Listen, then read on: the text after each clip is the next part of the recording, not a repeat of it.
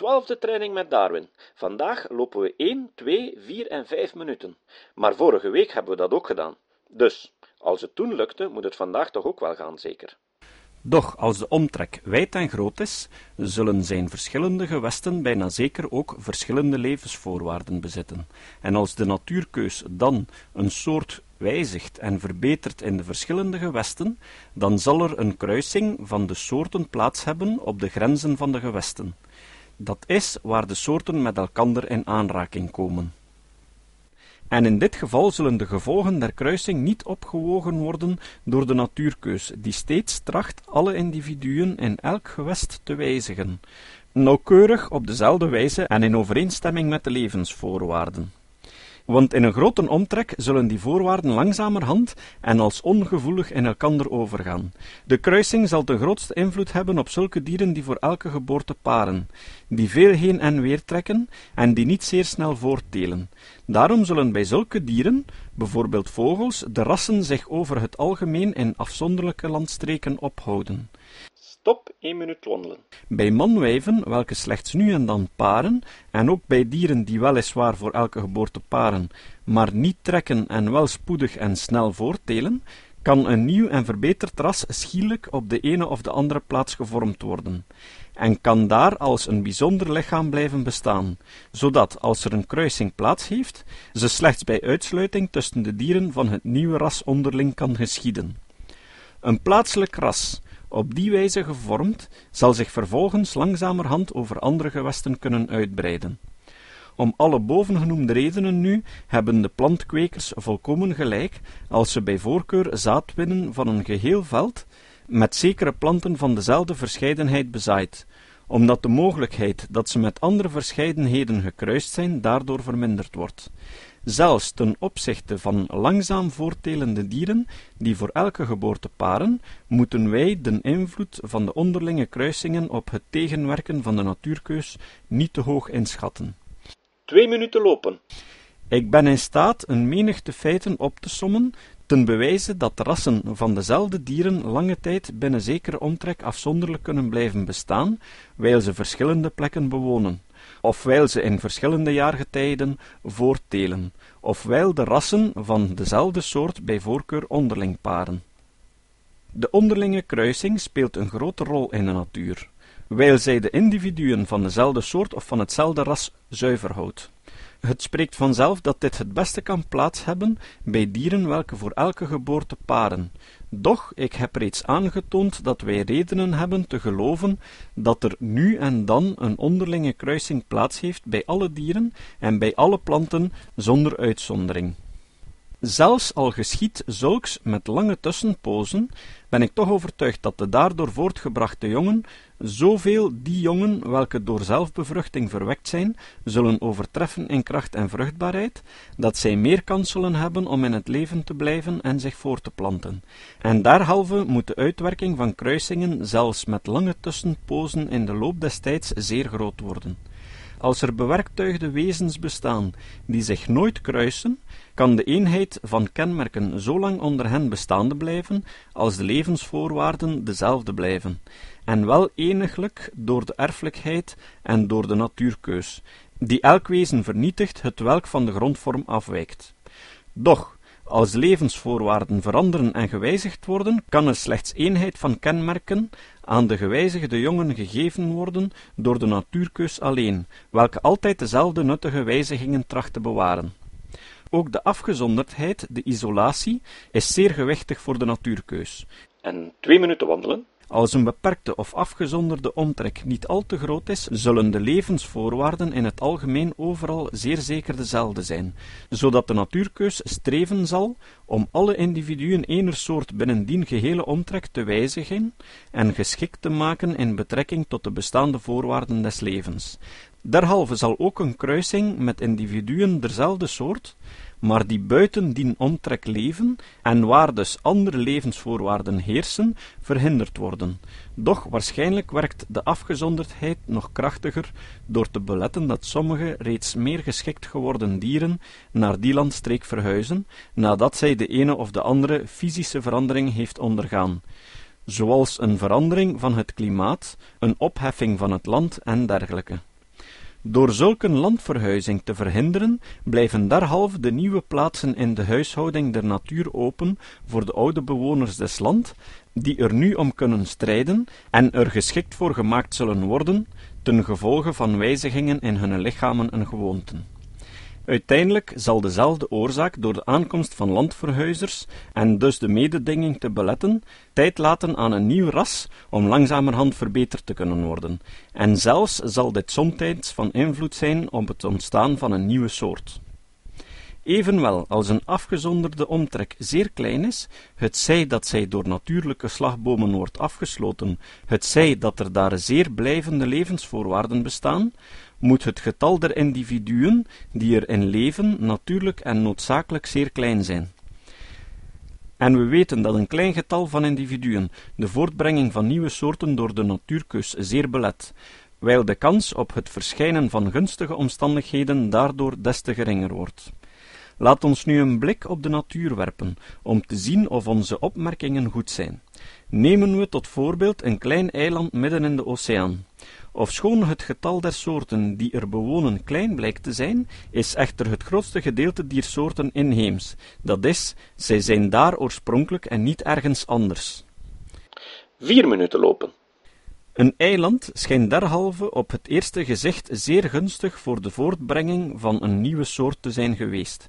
Doch we bedriegen ons misschien ten hoogste door dat te denken, want om te onderscheiden of een kleine afgezonderde omtrek zoals een eiland, ofwel een grote openliggende omtrek zoals een geheel werelddeel, het gunstigste geweest is voor de voortbrenging van nieuwe bewerktuigde vormen, zouden wij moeten weten dat beiden even lang bestaan hebben, en dit is ons onmogelijk. Ofschoon ik geenszins twijfel dat een afgezonderde ligging van hoog belang is in de voortbrenging van nieuwe soorten, over het geheel geloof ik toch dat een openliggend land van groter belang is, vooral in de voortbrenging van zulke soorten die in staat zullen zijn om lange tijd te blijven bestaan en om zich ver te verspreiden. In een grote en open omtrek zal niet slechts meer kans bestaan op het tevoorschijn komen van gunstige wijzigingen ten gevolge van de menigte van individuen van dezelfde soort die er leven, maar ook zijn levensvoorwaarden daar zeer samengesteld. Als nu sommigen van die reeds bestaande soorten gewijzigd of verbeterd worden, moeten ook de overigen in dergelijke mate veranderd worden of ze zullen worden uitgeroeid. Elke nieuwe vorm zal, zodra hij in staat is om als zodanig bestaande te blijven, zich in de open en onafgebroken omtrek kunnen uitbreiden en dus tot een mededinger van anderen worden. Daardoor zullen er nieuwe plaatsen openkomen, en de mededinging om die te vullen zal sterker zijn in een grote en open dan in een kleine afgezonderde omtrek. Nog twee minuten. Bovendien mogen we geloven dat grote oppervlakken der aarde, ofschoon zij thans ten gevolge van plaatselijke wijzigingen aaneenhangen, evenwel dikwijls verbrokkeld, dat is in kleine vlakten verdeeld zijn geweest, en toen waren ze ongetwijfeld in de gunstige toestand van kleine omtrekken ter vorming van nieuwe soorten. Uit dit alles blijkt dus dat ofschoon kleine afgezonderde omtrekken waarschijnlijk in sommige opzichten zeer gunstig geweest zijn voor de voortbrenging van nieuwe soorten, desniettemin de gang der wijzigingen in het algemeen veel schierlijker is geweest dan binnen grote omtrekken. Verder dat de nieuwe vormen die binnen de grote omtrekken ontstaan zijn, en die reeds over vele mededingers gezegepraald hebben, de zulke zijn, welke zich het verst zullen uitbreiden, die aanleiding zullen geven tot het ontstaan van de meeste nieuwe rassen en soorten, en die derhalve een grote rol zullen spelen in de zo lange en afwisselende geschiedenis der bewerktuigde wezens. Uit deze oogpunten gezien zullen we misschien sommige feiten verklaren die we in het hoofdstuk over de verspreiding der soorten nader zullen beschouwen. Hoe het komt dat de wezens die Nieuw-Holland bewonen voorheen geweken zijn en nog wijken voor de schepselen van het Europees-Aziatisch vasteland, en ook hoe het komt dat voortbrengselen van het vasteland overal zo spoedig op eilanden inheems worden. In een eiland zal de strijd des levens minder hevig zijn, er zal minder verandering, maar ook minder vernietiging zijn. Daardoor komt het misschien dat de flora van Madeira volgens Oswald Heer gelijkt op de uitgestorvene tertiaire flora van Europa. Alle zoetwaterkommen bijeengenomen beslaan één kleine oppervlakte vergeleken bij die van de zee of van het land, en gevolglijk zal de mededinging tussen de wezens in het zoete water minder ernstig geweest zijn dan elders. Nieuwe vormen zullen minder spoedig zijn ontstaan, en oudere vormen minder spoedig uitgeroeid zijn geworden dan in de zee of op het land. In zoet water is het dat wij zeven geslachten van glansschubbige vissen, ganoïden, vinden, overblijfselen van een eenmaal heersende orde. Drie minuten wandelen.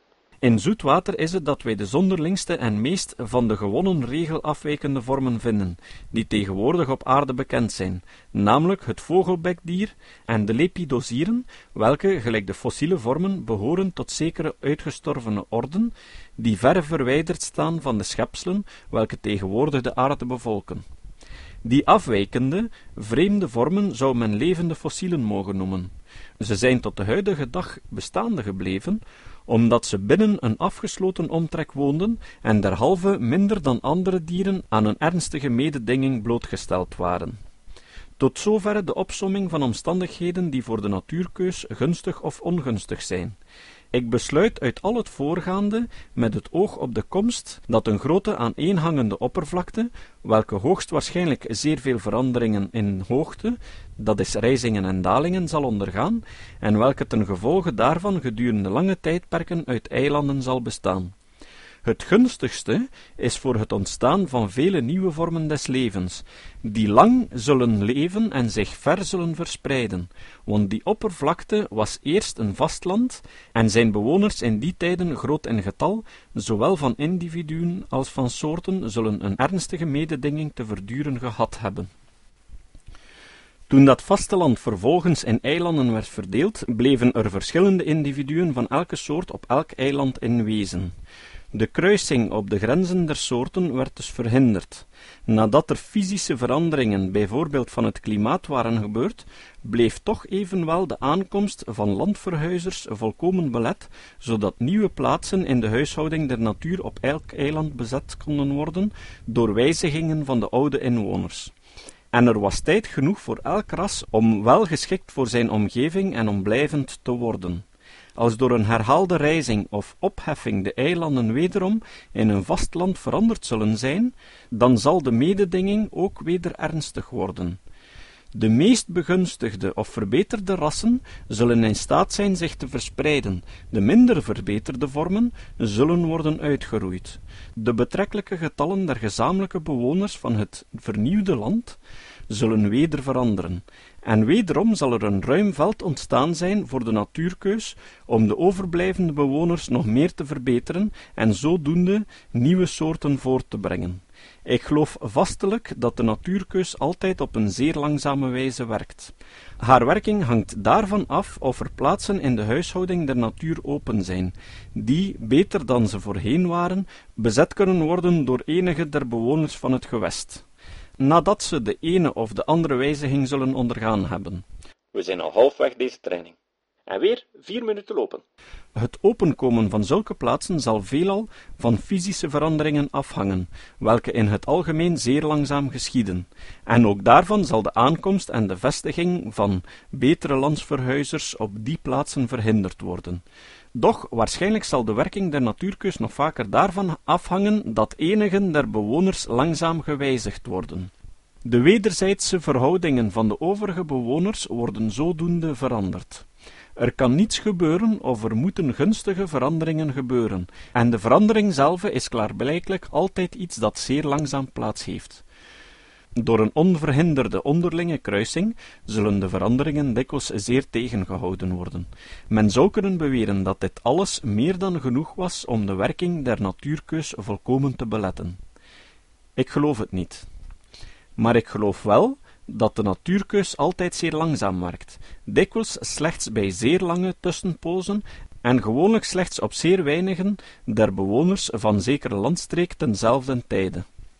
Verder geloof ik dat die zeer langzame tussenpozende werking der natuurkeus volkomen overeenkomt met hetgeen de geologie ons leert van de wijze waarop de bewoners der aarde zijn veranderd geworden. Maar hoe langzaam de natuurkeus ook mogen werken, als de zwakke mens zoveel kan doen door zijn kunstkeus, dan zie ik geen grenzen voor de wisseling, voor de veelheid der onderlinge verwikkelingen, voor de geschiktheid aller bewerktuigde wezens voor elkander en voor hun levensvoorwaarden, voor alles wat in de lange loop des tijds voortgebracht is geworden door de macht der natuurkeus. Volhouden. Nog twee minuten. De uitsterving der soorten. Dit onderwerp zal uitvoeriger in ons hoofdstuk over de geologie besproken worden dan hier nodig is. Doch iets moet er hier toch van gezegd worden, in zoverre het nauw verbonden is met de natuurkeus. De natuurkeus werd eniglijk door het bewaren van afwijkingen die in het ene of het andere opzicht nuttig zijn en die derhalve bestaan blijven.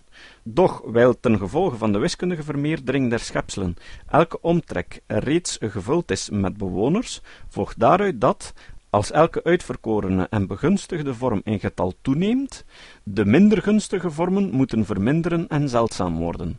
Zeldzaamheid, leert de geologie ons, is een voorloper van uitsterving. We zullen dus begrijpen dat een vorm, die door slechts weinige individuen vertegenwoordigd wordt, onder de verandering van het klimaat of door het groter worden van het getal zijner vijanden, zeer veel gevaar loopt van uit te sterven. Doch wij mogen nog verder gaan. Als er onophoudelijk nieuwe vormen voortgebracht worden, moeten er ook onvermijdelijk sommigen uitsterven. De geologie leert ons duidelijk dat het getal van bijzondere vormen niet onbepaald is toegenomen, en dit kon ook zo niet zijn, want het getal der plaatsen in de huishouding der natuur is niet onbepaald. Evenwel weten we toch niet dat er een landstreek op aarde bestaat die als het ware vol soorten is. Waarlijk is dit nergens het geval, want aan Kaap de Goede Hoop, waar meer soorten van planten bij elkaar groeien dan ergens elders op de gehele aarde, zijn desalniettemin enige vreemde planten inheems geworden, zonder, voor zover wij weten, de uitsterving van enige daar te huis behorende plant veroorzaakt te hebben. Verder die soorten welke het talrijkste in individuen zijn, de heersende soort is, die de meeste rassen of wordende soorten oplevert. Drie minuten wandelen. Daarom zullen zeldzame soorten minder spoedig binnen zekere tijdperk gewijzigd of verbeterd worden, en gevolglijk zullen zij verslagen worden in de strijd des levens door de gewijzigde afstammelingen der meer gewone soorten. Uit dit alles blijkt het, dunkt mij, ten duidelijkste dat als ene nieuwe soort in de loop des tijds door de natuurkeus is gevormd, andere soorten meer en meer zeldzaam zullen worden en ten laatste uitsterven. De vormen die het sterkst mededingen met die welke gewijzigd en verbeterd worden, zullen natuurlijk het meest te lijden hebben. In het hoofdstuk over de strijd voor het bestaan hebben we gezien dat de meeste verwante vormen, rassen van dezelfde soort en soorten van hetzelfde geslacht of van verwante geslachten, het sterkst mededingen met elkaar, wijl ze bijna volkomen dezelfde inrichting des lichaams, levenswijze, gewoonte en dergelijke hebben. Daaruit volgt dat elke soort of elk ras gedurende de tijd des ontstaans gewoonlijk het meest op zijn bloedverwanten zal drukken en trachten zal hem uit te roeien. We zien een dergelijke strekking tot uitroeiing van bloedverwanten onder onze huisdieren en tuinplanten, ofschoon hunne vormen door de mens zijn uitverkoren en verbeterd geworden. Ik zou een menigte opmerkelijke voorbeelden kunnen geven om te bewijzen hoe schielijk nieuwe verscheidenheden of rassen van runderen, schapen en andere dieren en van bloemen de plaats van oudere en mindere soorten innemen. In Yorkshire is het een geschiedkundig feit dat het oude, zwarte rundvee verdrongen is door langhoornig en dat de langhoorns weggeraapt zijn door de korthoorns. Ik herhaal de woorden van een landbouwkundig schrijver, als door een moorddadige pest. De uiteenspreiding der kenmerken. Het is ongetwijfeld waar dat rassen, hoewel zij enigszins het kenmerk van soorten mogen bezitten, zelfs zo dat men volkomen onzeker is waar zij bij gerangschikt moeten worden, desalniettemin veel minder van elkander verschillen dan wel onderscheidene soorten plegen te doen. Echter zijn naar mijn gevoelen rassen niets dan soorten die in de geboorte zijn, wordende soorten, zoals ik die heb genoemd. Hoe komt het dan dat het geringe verschil tussen rassen als het ware aangroeit tot het grote verschil tussen soorten? Dat dit echter gewoonlijk gebeurt, zien wij aan de menigte van wel onderscheidene soorten die de natuur ons vertoont. Terwijl de rassen, de vooronderstelde grondvormen en ouders van de toekomstige, wel onderscheidene soorten, slechts geringe en onduidelijke verschillen vertonen. Veel kans dat wij het zo mogen noemen, mag een ras hebben om in het ene of het andere kenmerk te verschillen van zijn ouders. En de jongen van dat ras mogen wederom evenveel en zelfs nog meer in hetzelfde kenmerk van de ouders afwijken. Vijf minuten lopen. Dit alleen zou echter niet voldoende zijn om zulke grote som van onderscheid te doen ontstaan, als wij zien dat er bestaat tussen de rassen van dezelfde soort en tussen de soorten van hetzelfde geslacht. Laat ons hier, gelijk wij vroeger ook reeds gedaan hebben, zien of wij een antwoord op deze vraag bij onze tamme dieren en gekweekte planten kunnen krijgen. Iemand heeft een duif met een enigszins kortere bek dan gewoonlijk. Een ander heeft een duif welker bek iets langer is dan dagelijks gezien wordt. Het is bekend dat duivenfokkers nooit het middelmatige bewonderden, maar dat zij altijd aan de uitersten de voorkeur geven. Beiden zullen derhalve hun duiven trachten te doen voortplanten, de ene om al langere en langere, de andere om altijd maar kortere en kortere bekken te verkrijgen. Kom aan, niet opgeven. Zo mogen wij ook geloven dat er altijd mensen geweest zijn die aan lichte en anderen die aan zware paarden de voorkeur zullen gegeven hebben. De eerste verschillen zullen uiterst gering zijn geweest. In de loop des tijds zal door het aanhoudende kiezen van lichtere paarden door de een en van zwaardere paarden door de andere het onderscheid al groter en groter zijn geworden. En uiteindelijk, nadat er eeuwen verlopen waren, zullen er twee wel onderscheidene rassen zijn ontstaan. Toen op die wijze het verschil langzamerhand groter werd, moeten de minder goede dieren, die nog zeer vlug en licht, nog zeer sterk en zwaar waren, verwaarloosd zijn geworden, en derhalve moesten zij uitsterven. Hier zien we dus in de kunstvoortbrengselen van de mens de werking van hetgeen wij de uiteenspreiding der kenmerken willen noemen. Een beginsel het welk maakt dat verschillen die in het eerst nauwelijks merkbaar zijn, streven om al groter en groter te worden, en dat de rassen zich door hun kenmerk van elkander en van hun gemeenschappelijke voorvaderen hoe langer hoe meer verwijderen. Maar hoe, zou men kunnen vragen, kan iets dergelijks in de natuurstaat geschieden? Me dunkt zeer makkelijk, namelijk door de eenvoudige omstandigheden dat hoe meer verschillend de afstammelingen van de ene of de andere soort worden in lichaamsrichting, levenswijze of gewoonten, zij ook des te beter geschikt zullen worden om vele en zeer verschillende plaatsen in de huishouding der natuur te bezetten, en daardoor in de gelegenheid te zijn in getal te vermeerderen. Ze zullen dit bevestigd zien door dieren met zeer eenvoudige gewoonten. Stel dat zeker vleesetend dier reeds lange tijd zo groot in getal is geworden, dat alle plaatsen waar het in zekere landstreken kan leven, als het waar volkomen bezet zijn. Nog twee minuten. Als het dan nog altijd in staat is om zich te vermeerderen, kan zulks slechts geschieden, gesteld dat het land niet verandert, doordat zijn afstammelingen veranderen, en dat die veranderde nakomelingen plaatsen innemen, welke tot heden door andere dieren bezet waren. Door die veranderingen zullen enigen geschikt zijn om een andere soort van prooi, het zij dood of levend, te gebruiken. Anderen zullen nieuwe woonplaatsen gaan bewonen, op bomen klauteren, in het water gaan, en nog anderen uiteindelijk zullen minder vleesetend worden en nu en dan ook plantaardig voedsel zoeken.